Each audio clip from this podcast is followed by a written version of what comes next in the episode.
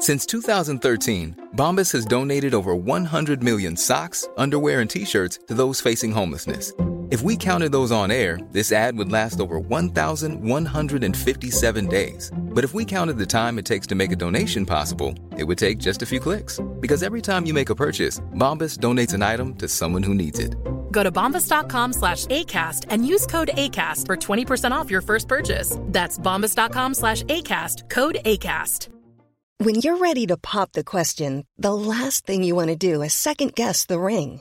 At Bluenile.com, you can design a one of a kind ring with the ease and convenience of shopping online. Choose your diamond and setting. When you find the one, you'll get it delivered right to your door. Go to Bluenile.com and use promo code LISTEN to get $50 off your purchase of $500 or more. That's code LISTEN at Bluenile.com for $50 off your purchase. Bluenile.com code LISTEN. Velkommen til Tut og Mediekjør, podkasten for deg som er nysgjerrig på hvordan journalistikken blir til. Jeg heter Christian Lydemar Strander, og hvis jeg sier ja til å være kilde i en sak, men vil være anonym, kan jeg da stole på journalisten når uh, han eller hun sier ja, du skal forbli anonym? Det lurer jeg på denne uken. Og for å få svar så har jeg som alltid med meg Eva Sandum. Hei. Hei, du. Kommunikasjonsrådgiver. Ja. Hva har du rådgivet i denne uken? Eh, Ikke mye å si. ikke så mye rådgivning denne uka her, nei. Nei, da går vi kjapt Hun jobber videre. ikke lenger som rådgiver, Har ikke tydeligvis. tid. Jeg er driver så mye bare, med tut og jeg mediekjør. driver bare research til dette her. Og Ja. så har jeg beisa en terrasse, og så har jeg drevet med et annet prosjekt som ikke er relevant for dette. Ja. Og så har du jo 14 år eh, hvor du har sittet i PFU. Og hva er PFU?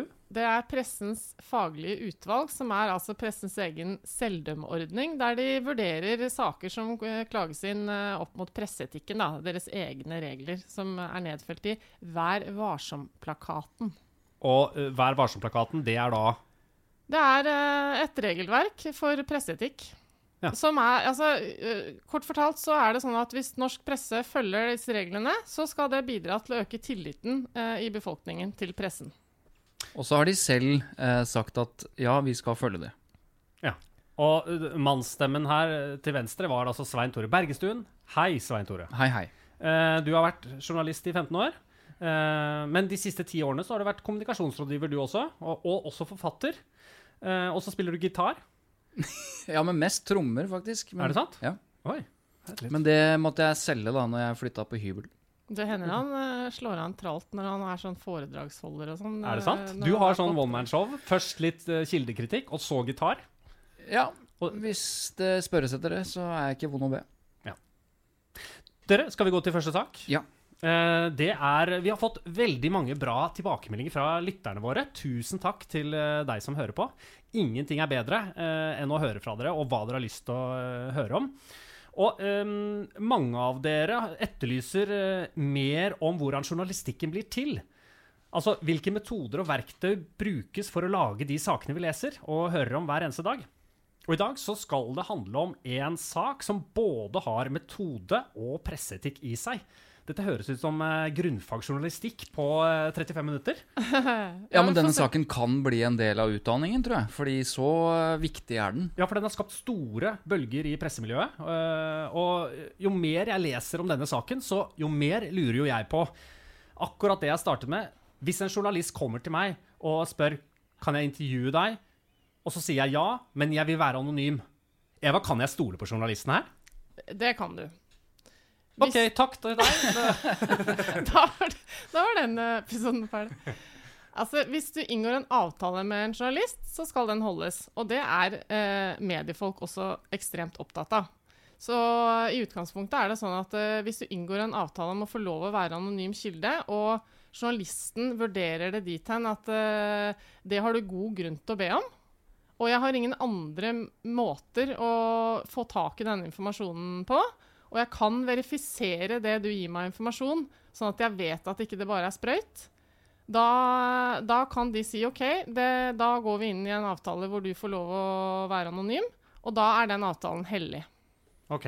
For da slår det såkalte kildevernet inn. Hva er det for noe? Ja, kildevernet det er et hellig prinsipp eh, som du ikke skal tukle med. Og det skal vi komme tilbake til nettopp den saken du har, eh, har varsla at vi skal snakke om. Men kildevernet er ikke bare et prinsipp, det er også mest, si, et av de mest kraftfulle verktøyene som journalistene har. For når kilder forstår da at de er 100 sikra, eh, 100% anonyme, så forstår de at de kan gi f.eks. svært sensitiv informasjon. Eh, som kan være informasjon som er, helt, som er kjempeviktig for samfunnet å få vite om. Og de kan gi den uten frykt for represalier. Så derfor så står det jo i denne Vær varsom-plakaten eh, nedfelt Vær, Vern om pressens kilder. Kildevernet er et grunnleggende prinsipp i et fritt samfunn og er en forutsetning for at pressen skal kunne fylle sin samfunnsoppgave og sikre tilgangen på vesentlig informasjon. ikke sant? Og det er nettopp det at eh, hvis ikke folk kan stole på at de kan snakke med en journalist, så er det også vanskelig for mediene å få informasjon som er viktig for offentligheten. Ja. Og det er jo nettopp det denne saken som vi nå skal snakke om, handler om. Uh, fordi um, dette er fra fotballmagasinet Josimar. De hadde en artikkelserie som de kalte 'Den lange kampen', om den trøblete veien for norsk damefotball. Og uh, du som hører på nå, du husker kanskje at uh, verdens beste fotballspiller på kvinnesiden, norske Ada Hegerberg, hun kritiserte Fotballforbundet i et intervju i eh, Josimar rett før fotball-EM i 2019. Og det førte til at uh, Martin Ødegaard, den største fotballhelten eh, vi har på herresiden om dagen, kritiserte Ada Hegerberg på Instagram. Og han kritiserte timingen av dette intervjuet rett før EM. Og nå, ett år senere, så skaper fortsatt denne artikkelserien til Josimar om kvinnefotball bråk. Og hva slags bråk er det snakk om nå, Svein Tore? Fordi denne artikkelserien eh, om kvinnefotball den har fått Fotballforbundet til å reagere. De får jo masse kritikk i den artikkelserien, ikke sant? Både fra Og, om hvordan de behandler kvinnefotball nettopp i Norge. og opp gjennom tiden. Samtlige kvinnelige profiler retter kritikk mot Fotballforbundet. Så har de gått gjennom denne, og så har de funnet ut at her er det masse brudd, mener de. Fotballforbundet mener det er masse brudd på Vær varsom-plakaten. Um, og Josimar skriver bl.a., og dette er viktig, om et møte mellom sjefen for Obos, som gjerne ville sponse kvinnefotballen, og han møtte altså den kommersielle direktøren i Fotballforbundet. Jeg har snakket med Håvard Melnes, som er redaktør i Josimar, Det har du. som, ja, og som forklarte litt bakteppet for denne saken. Da var Obos-direktør Daniel Sirai på fotballkamp på Ullevål stadion. Her møtte han Erik Lo, kommersiell direktør i NFF. Eh, Daniel Sirai eh, eh, sa til Erik Lo at vi har lyst til å gjøre noe med kvinnefotballen. Vi har lyst til å bruke, til å bruke masse penger på kvinnefotballen. Vi har lyst til å hjelpe dere med, med, å løfte produktet. Ifølge Daniel Sirai så var beskjeden fra Erik Lo at kvinnefotballen er ikke kommersiell interessant. Det var den beskjeden Sirai fikk av Erik Lo. I, ettertid så har Sirai alltid påpekt at han ikke ønsket å henge ut Erik Lo, eh, men at Erik Lo var mer en representant for NFF-kulturen. En NFF-kultur som i alle år hadde motarbeida og oversett kvinnefotballen. Dette er sterke beskyldninger som framføres åpent av eh, sjefen for Obos. Men problemet er at uh, han får ikke i, eh, sagt noe i imøtegå dette her i artikkelen. Men, men det er til ikke bekrefta av den kommersielle direktøren i uh, Nei, han avfeier det. Her er det påstand mot påstand. Ja, riktig. Okay, og dette men skjedde litt tilbake i tid, bare sånn at det er klargjort. Ja, vi dette ikke skjedde vel i 2017, tror jeg. Vi har ikke kommet i bråk i dag, men hold ut, du som hører på, for dette her blir ganske utrolig etter hvert. Ja, fordi nå skjer det følgende. Vi var inne på dette om anonyme kilder. Nå kommer det en anonym kilde i Fotballforbundet, en sentral anonym kilde i Fotballforbundet, som bekrefter episoden, bekrefter dette møtet, at det skal bli sagt noenlunde på denne måten, men ikke bare det. Den anonyme kilden sier at grunnen til at denne kommersielle direktøren fikk sparken, for det fikk han, det var delvis av denne episoden. Ok, så da har vi altså nå, hittil i eh, denne saken, en anonym kilde i Fotballforbundet. Hvem er den anonyme kilden? Og det skal, Følg vi, med så, videre, følg med videre, du som hører på. det skal vi fortelle Ja. snart. Før vi går videre, så skal du nå få noen ord fra vår annonsør. Mitt navn er Harald Klungtveit, og jeg er redaktør i Filter nyheter. Vi konsentrerer oss om nyheter som de ikke kan lese om alle andre steder. I november i fjor avslørte vi f.eks. hvordan norske høyreekstreme hadde vært i kontakt med ledere i amerikanske terrornettverk. Denne typen artikler er ikke gratis å lage, og vi er avhengig av støtten fra dere lesere. Nettopp lanserte vi Filter magasin, og abonnementet koster bare 100 kroner. Gå inn på filternyheter.no for enkeltstart og abonnement via VIPS og støtte ekte, uavhengig journalistikk. Ok, så da har vi altså nå, hittil i eh, denne saken, en anonym kilde i Fotballforbundet.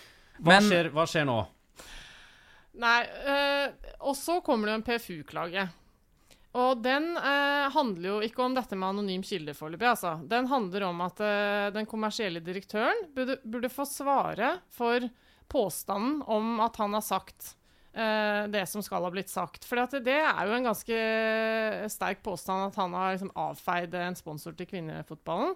Og så har ikke de, han blitt kontaktet sånn som han burde etter prinsippene om samtidig imøtegåelse, som vi har diskutert tidligere. ikke sant? At Hvis det er sterke beskyldninger, så skal den som er beskyldt for noe, få lov til å svare for seg, sånn at leserne eh, får høre begge sider av den saken. Og akkurat dette kommenterte også redaktør Melnes i Josimar. Erik Lo svarte på dette både i, i VG og TV 2.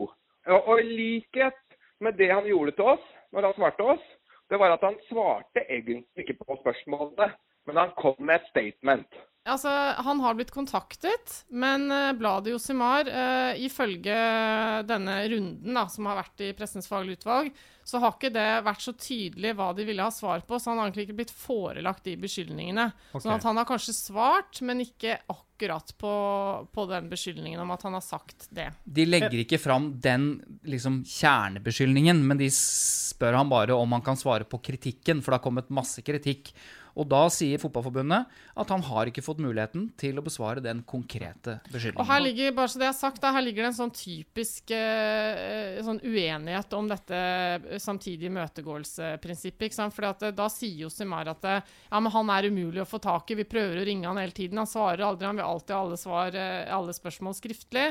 De svarer alltid ullent. ikke sant? Det er det pressefolk ofte føler da, når de har en kritisk eh, sak på gang.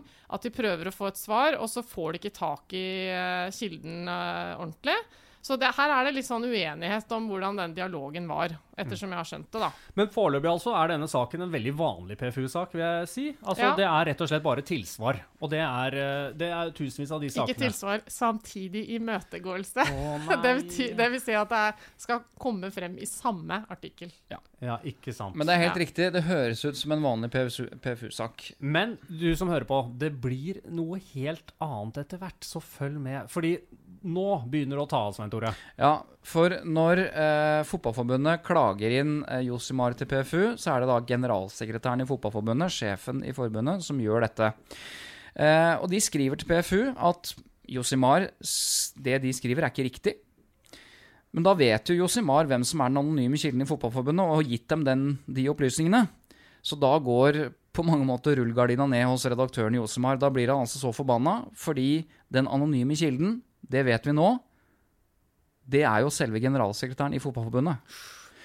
Så han var den anonyme kilden, og så var det samtidig han som klaget inn Josimar for å skrive noe som ikke er riktig. Men det var jo basert på hva han sa. Så dette er helt spesielt. Dette er spesielt. Så sagt på en annen måte, da, ifølge Josimar, så bekrefter eh, sjefen sjøl i Fotballforbundet saken først, liksom under hånden i en sånn off the record-samtale. Og dette mente Melnes I forbindelse med eh, eh, eh, altså, eh, spesialutgaven om kvinnefotball, så tar vi jo også kontakt med generalsekretær Pål eh, Bjerktvedt. Pål Bjerktvedt sier at eh, i denne off the record-samtalen da, at ja, en vesentlig årsak til at, Paul Bjer nei, til at Erik Lo mistet jobben som kommersiell direktør, var måten han håndterte Obos-henvendelsen. Eh, Men når han klager oss inn for 3-2 som går på mangelfull informasjon og mangelfull kontroll, når han selv har bidratt med den informasjonen, så mener vi at det er klart maktmisbruk. Og da skjer det noe spesielt, ikke sant? Fordi at eh, måten kilden blåses på, det er at når denne saken kommer opp nå for PFU, så er det som Eva sa i stad, det er tilsvarsrett. Det er fram og tilbake. Men i den behandlingen så blåser Josimar kilden. De forteller at den anonyme kilden er Pål Bjerketvedt, generalsekretær i Fotballforbundet. Og det er, det er helt spesielt. Jeg får sånn sug i magen. jeg. Det, det, det, er jo de, helt vilt. de kunne jo, hvis de mente at han nå hadde brutt kildevernet, så kunne de jo ha blåst han i en artikkel. Altså De kunne skrevet det i journalistikken sin, men de velger å bryte kildevernet i behandlingen i PFU. Og dette mente Melnes, som da er redaktør i eh, fotballbladet Josimar. Altså, Kildevernet er hellig. Eh, Det er tabu å bryte kildevernet. Men når vi blir utsatt for et eh, maktmisbruk fra en kilde som ikke er en hvem som helst kilde Han er både generalsekretær i Norges største idrettsorganisasjon, men han er også tidligere mangeårig medlem av Norsk redaktørforening. Pål Bjerketvedt vet utmerket godt hva han gjør. Eh, eh, og da, når du, altså, når du opptrer på den måten, og du vet det er så kalkulert, da har du ikke eh, krav på noe kildevern fra oss. Når man havner opp i en sånn situasjon som dette her er, skal kildevernet fortsatt være hellig? Det jeg blir veldig nysgjerrig på her Hva er det du leter etter i vesken din? En penn.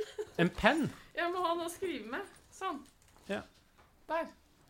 Er du klar da? Ja. Du har jo bare en hel Mac foran deg, så. ja, men det blir så mye tastelyder. Ja, ja, ja. Tasteprivat. Ja, kjempebra. Det jeg lurer på etter å ha hørt på Melnes her, Mm. det er jo rett og slett Han sier at Bjerketvedt, altså sjefen for, i Fotballforbundet, han var, visste utmerket godt hva han gjorde her.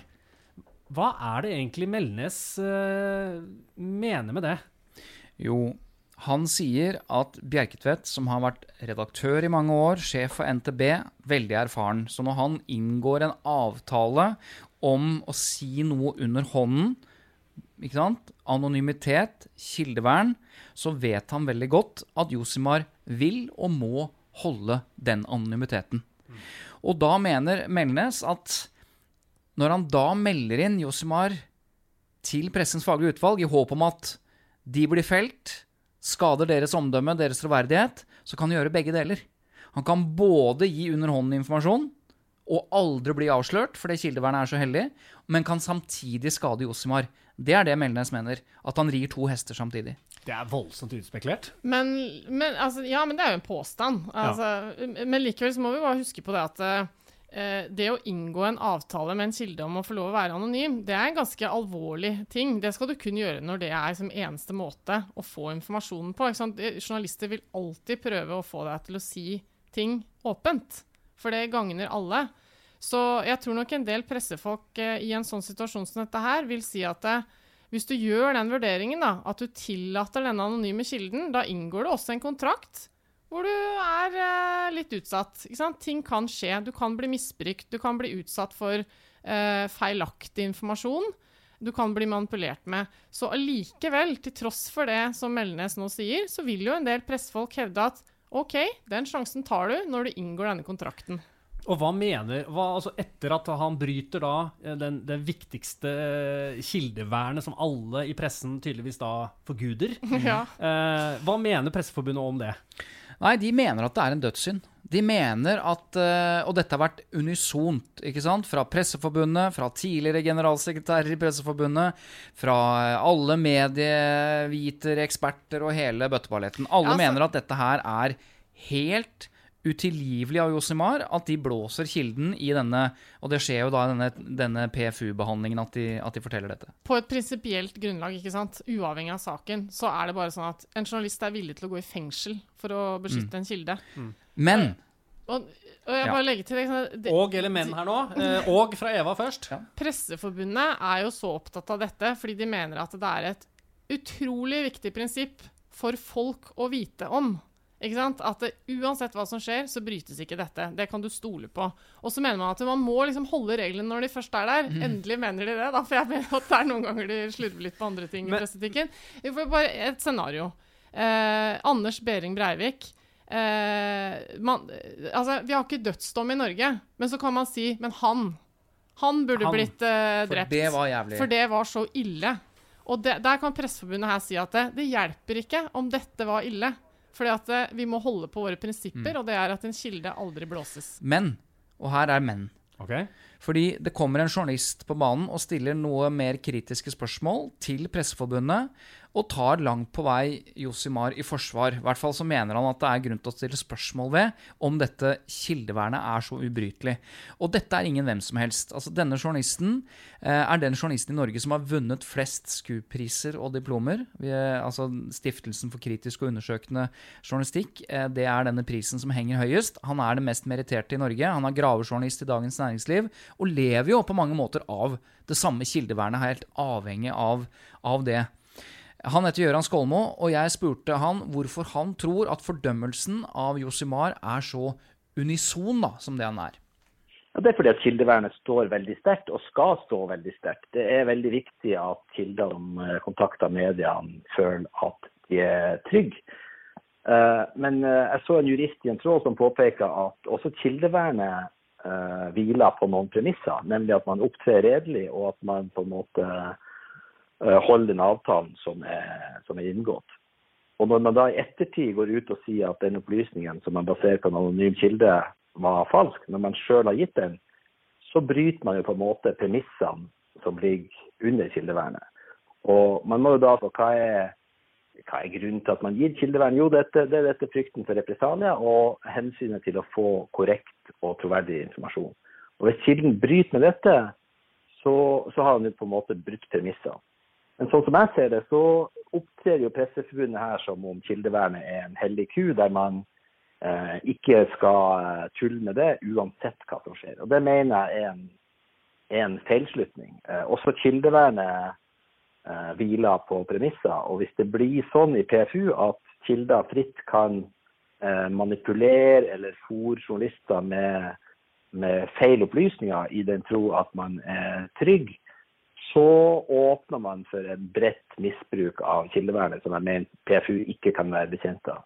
Dette her er altså Gøran eh, Skolmo, eh, DN-journalist, og han mener jo altså eh, noe helt annet enn Presseforbundet. Ja, og jeg må si, jeg mener at Skålmo har et viktig poeng. Jeg mener at eh, enhver begrunnelse som på en måte skjer på autopilot eller refleks, den må man kunne stille spørsmål ved. For det er jo en utfordring, og dette vet jo Skålmo, som har drevet med dette her i snart 30 år. Han, det er en utfordring at kilder som har avtalt kildevern, kan misbruke det etterpå. Eh, og da må kanskje pressens organer forholde seg til det i praksis, som i denne saken.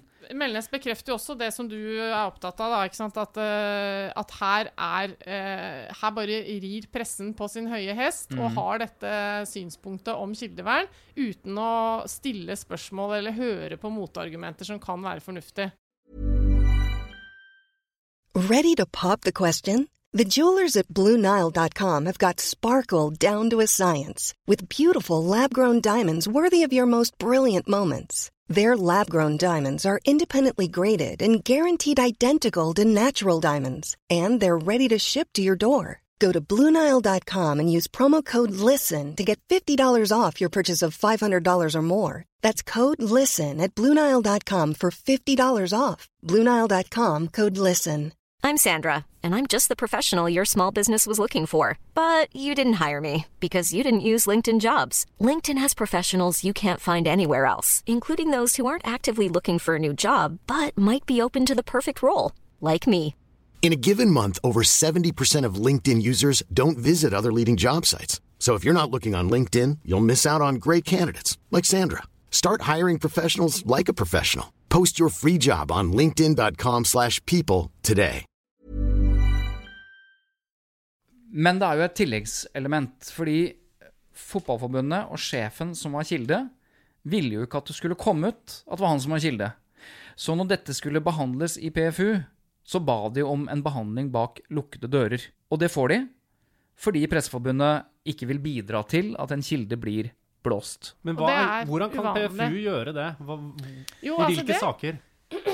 Det skjer jo ganske ofte uh, hvis det er gode grunner for det. ikke sant? Det kan være sensitive ting uh, i, uh, hos klageren som ikke de ønsker at det skal bli videre debatt om. Personvernhensyn, rett og slett, Masse kan det sånne ting. Denne Så- gangen så var det jo kildevernhensyn. Dette er jo Presseforbundet opptatt av, eh, nettopp fordi at det skal være mulig for hvem som helst å klage til PFU uten at de opplever at det blir en større belastning. Mm. Så hvis det er en god grunn til at ting skal gjøres anonymt, så skal, så skal man kunne klage uten at det skal bli en stor sak i mediene. Men det hjalp jo ikke, for Josimar hadde bestemt seg, og de skriver på sine sider at hva Josimar velger å publisere, det er opp til oss. Så de blåser alt, legger ut alle e-poster, all behandling i PFU, og der kommer hele greiene fram. Men eh, Skålmo er også veldig kritisk til eh, den prosessen. Han mener at eh, her burde ikke eh, fotballforbundet Nei, her burde ikke Presseforbundet bare akseptert kravet fra Fotballforbundet om å lukke dørene. De burde i hvert fall ha spurt Josimar. Det er jo vanlig både i rettsprosesser og i andre sammenhenger at hvis man har en kontradiktorisk prosess, man ønsker å innføre en begrensning på, på den prosessen, så ber man om, eh, om eh, innspill fra begge parter. Og Det har Presseforbundet ikke gjort. Og Det gjør at jeg spør meg om, om Presseforbundet har et horn i sida til eh, Josimar. horn i sida. Ja. Altså, han mener at hele denne prosessen at man, Han mener at, at man tar side på sett og vis med Fotballforbundet, tyder på at de har et horn i sida til, til uh, Josimar. Men jeg, jeg syns på en måte det hovedspørsmålet her er jo likevel Altså, er man ikke bare veldig ute å kjøre hvis kildevernet ikke er heldig? At det blir bare opp til hver enkelt å vurdere om man skal blåse kilden eller ikke? Avhengig av hvordan kilden oppfører seg? Nettopp, og det var, nettopp, og det, det var det Bare så det er sagt, Ja. det er det jo ingen som mener, da. Det er ingen aktører i denne saken som mener at det skal bare være opp til alle og enhver å vurdere etter Nei, hver gang. men han har et poeng. er er jo litt sånn, ja, men det er jo litt sånn som det ble i denne saken, da. Ja da, men det er bare viktig å understreke, for at vår rolle her er å prøve å få, bidra til å forklare til de som hører på, hvordan dette henger sammen. Ja. Og det er viktig å understreke at eh, alle her er egentlig enige om at en avtale om å få lov å være en anonym kilde, den er hellig. Sånn at ikke folk nå, etter at vi har sittet og snakka om dette, eh, liksom sitter igjen med inntrykk av at uh, nå er det bare fritt vilt. For det men, er det jo men, ikke. Nei, men det er et veldig vesentlig spørsmål som Kristian stiller. fordi at uh, hvor går grensa Melnes, Håvard Melnes mener at grensa går ved når de blir, føler seg manipulert. Ja. ikke sant? Og Skålmo er til en viss grad enig. Så jeg spurte han nettopp om det. Er vi ikke på liksom en farlig vei hvis vi bryter det ubrytelige prinsippet? Er det ikke mye lettere å bare si at det er no go? Beinhard på Ja, kildevern. så jeg spurte han om det. Man er på en vanskelig vei, men jeg mener at man er jo like mye ute og kjører hvis man lar mektige aktører eh, i topposisjoner i noen av Norges største organisasjoner misbruke kildevernet til å prøve å, å lokke et, et medium i en felle ved å gi falske opplysninger under kildevern. Så poenget er det er ikke ubrytelig, ifølge Skålmo og ifølge H.A. Melnes, men det mener Presseforbundet at det er. Ubrutelig. Sa jeg ubrutelig? Det heter jo strengt tatt ubrytelig. Men jeg syns det var litt fint òg, jeg. Ja. Ja, det gjorde. Nei, altså jeg tenker at eh, det er litt relevant å sammenligne med ting vi også har vært innom før, nemlig fra rettssaker og politietterforskning. Så kommer det innimellom ting i pressen som lekkes. Enten fra politiet eller fra forsvarsadvokater og sånn.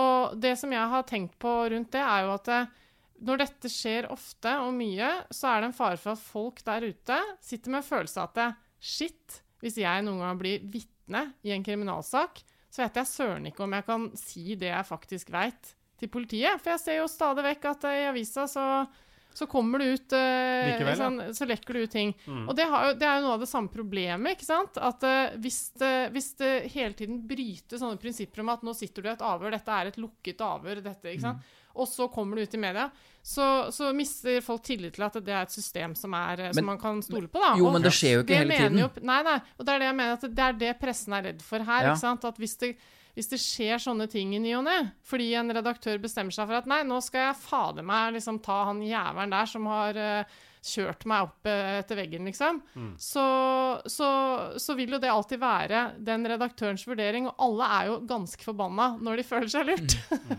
Men vi vet jo, for, for å koke dette her litt ned altså, Fordi vi kan jo ikke nå vite hva faktisk generalsekretæren eh, sa til Melnes, altså Josimar, under bordet. Nei. Um, Jo. Nei. Jo. Nei. Vi Vet kan, hvor, jo, vi vet- kan jo bare vite det Jo. Melnes sier. Ja, men, eh, men hør nå. Eh, samtalen ble tatt opp på bånd. Ok. Ja, men ingen har hørt den. Nei, men de som var med på samtalen, vet at den ble tatt opp på bånd. Og det har ført til at Pål Bjerketvedt i Fotballforbundet har måttet beklage det han sa Ja. under hånden til Josimar.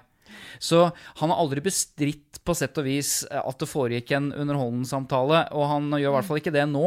Fordi TV 2 har et oppslag nå på at Pål Bjerketvedt har måttet beklage overfor forbundet at han har snakket om en ansatt i en samtale med en journalist, altså den kommersielle direktøren. Så vi vet at samtalen fant sted, den er tatt opp på bånd, så det eh, Ja. Men altså, bare for å avslutte det her. altså, Josimar ble altså klaget inn på tre punkter i PFU. Ehm, hva skjedde, Eva?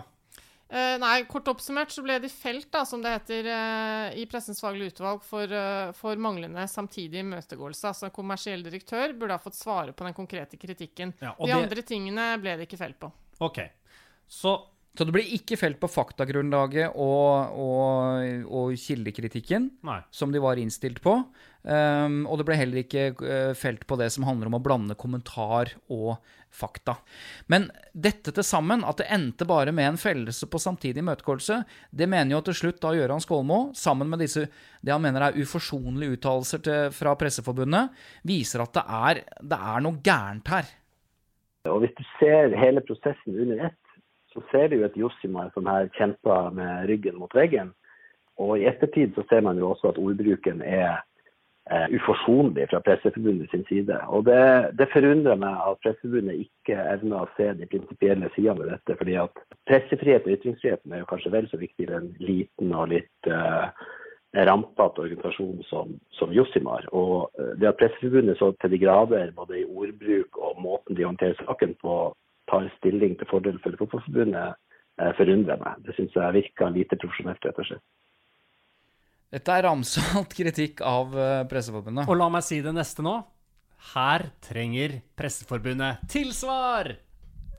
Eller samtidig imøtegåelse, som det heter. Hvis Og det må, skal komme nå må vi ikke forvirre folk. Nå må vi forklare det en gang til. For når du sier tilsvar, Kristian, så mener du jo samtidig imøtegåelse. Det er jo noe av det Hele samme. verden eh, surrer med de to begrepene der. Så du er ikke aleine Men nå blir det, okay, nå blir det samtidig imøtegåelse fordi det er i samme program. Ja, så ikke sant? så hun får svare for seg fordi hun blir utsatt for kritikk. Mm. Som eh, det skulle bare mangle at hun får forsvare seg mot. Og hvem skal vi snakke med nå, da? Da skal vi snakke med sjefen sjøl i Presseforbundet, Elin Floberghagen. Og det første avgjørende spørsmålet jeg følte for å stille, det var dette hellige prinsippet. Ser du for deg en situasjon i det hele tatt der en inngått avtale om kildevern kan revurderes eller brytes? Fins det noe situasjon i hele verden som kan bryte med kildevernet?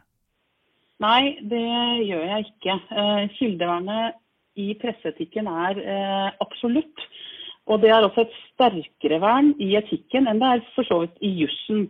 Så du blåser rett og slett aldri kilder som har lovet anonymitet. Og det eh, er, gjelder jo uavhengig av hvem kilden er, eller hva saken handler om. Det er jo fordi kildevernet er et av de aller viktigste prinsippene. Og det handler om eh, grunnleggende sett både medienes tilgang til informasjon og tilliten til en kritisk og uavhengig eh, journalistikk. Ja, så Fra et kommunikasjonsperspektiv, da, for du driver jo stadig vekk og nevner at vi er kommunikasjonsrådgivere. Ja, du nevner jo stadig Kan ikke helt finne ut hva du har kommunisert og kommuni- rådgivet? Nei.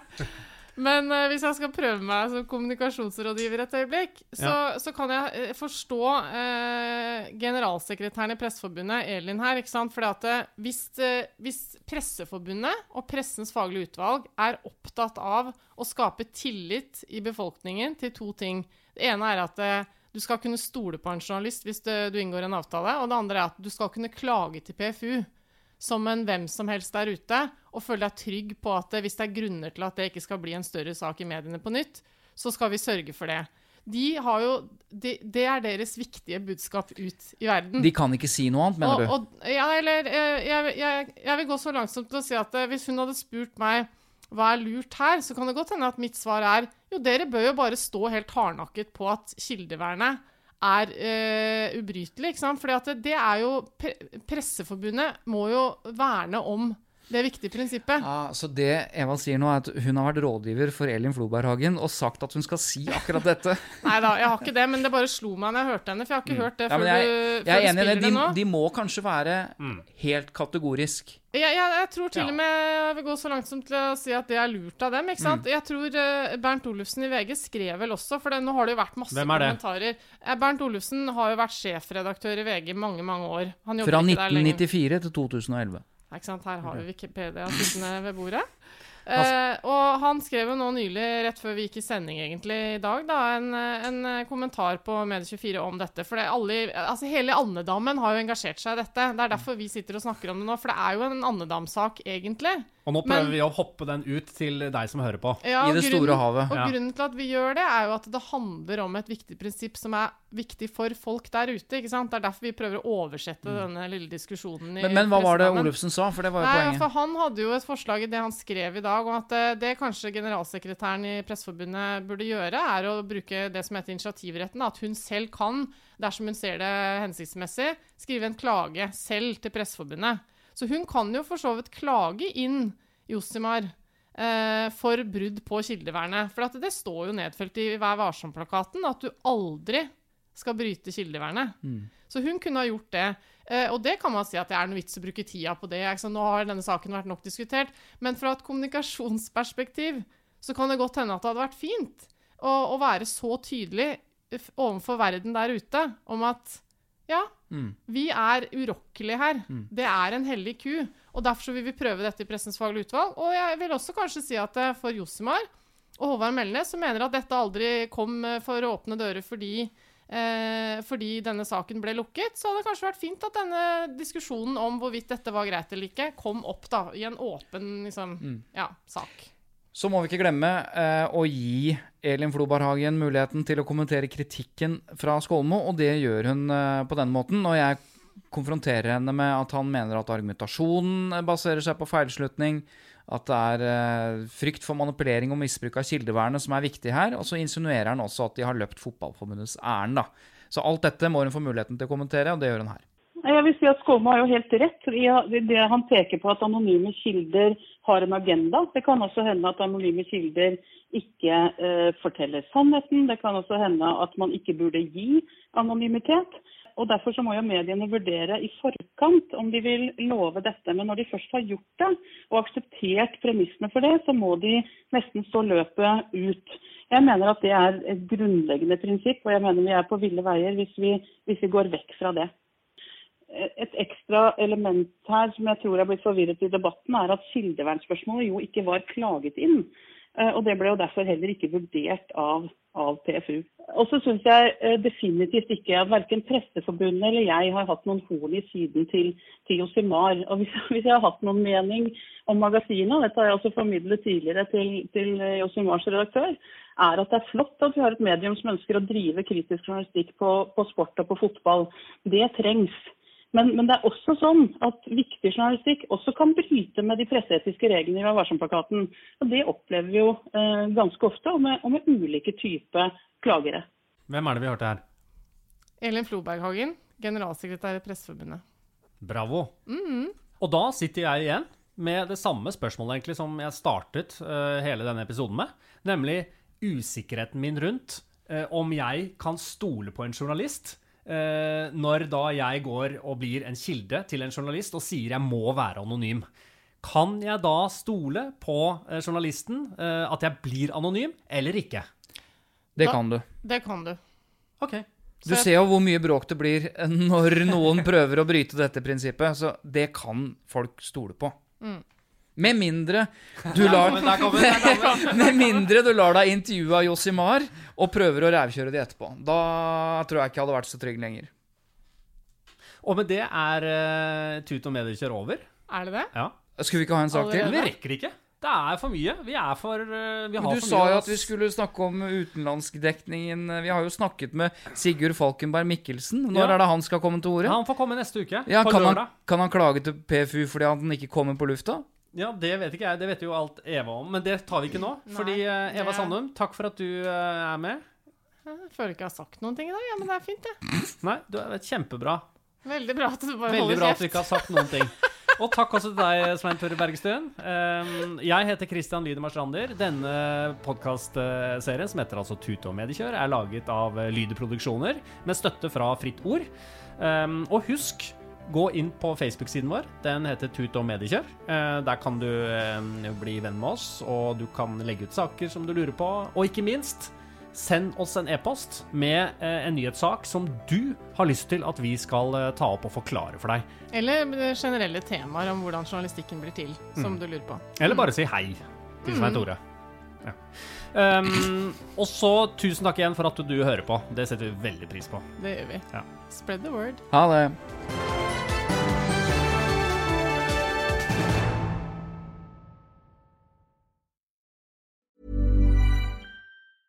A lot can happen in the next three years. Like a chatbot may be your new best friend. But what won't change? Needing health insurance. United Healthcare Tri Term Medical Plans are available for these changing times. Underwritten by Golden Rule Insurance Company, they offer budget friendly, flexible coverage for people who are in between jobs or missed open enrollment. The plans last nearly three years in some states, with access to a nationwide network of doctors and hospitals. So, for whatever tomorrow brings, United Healthcare Tri Term Medical Plans may be for you. Learn more at uh1.com. Hey, it's Danny Pellegrino from Everything Iconic. Ready to upgrade your style game without blowing your budget? Check out Quince. They've got all the good stuff shirts and polos, activewear, and fine leather goods, all at 50 to 80% less than other high end brands. And the best part? They're all about safe, ethical, and responsible manufacturing. Get that luxury vibe without the luxury price tag. Hit up quince.com slash upgrade for free shipping and 365 day returns on your next order. That's quince.com slash upgrade.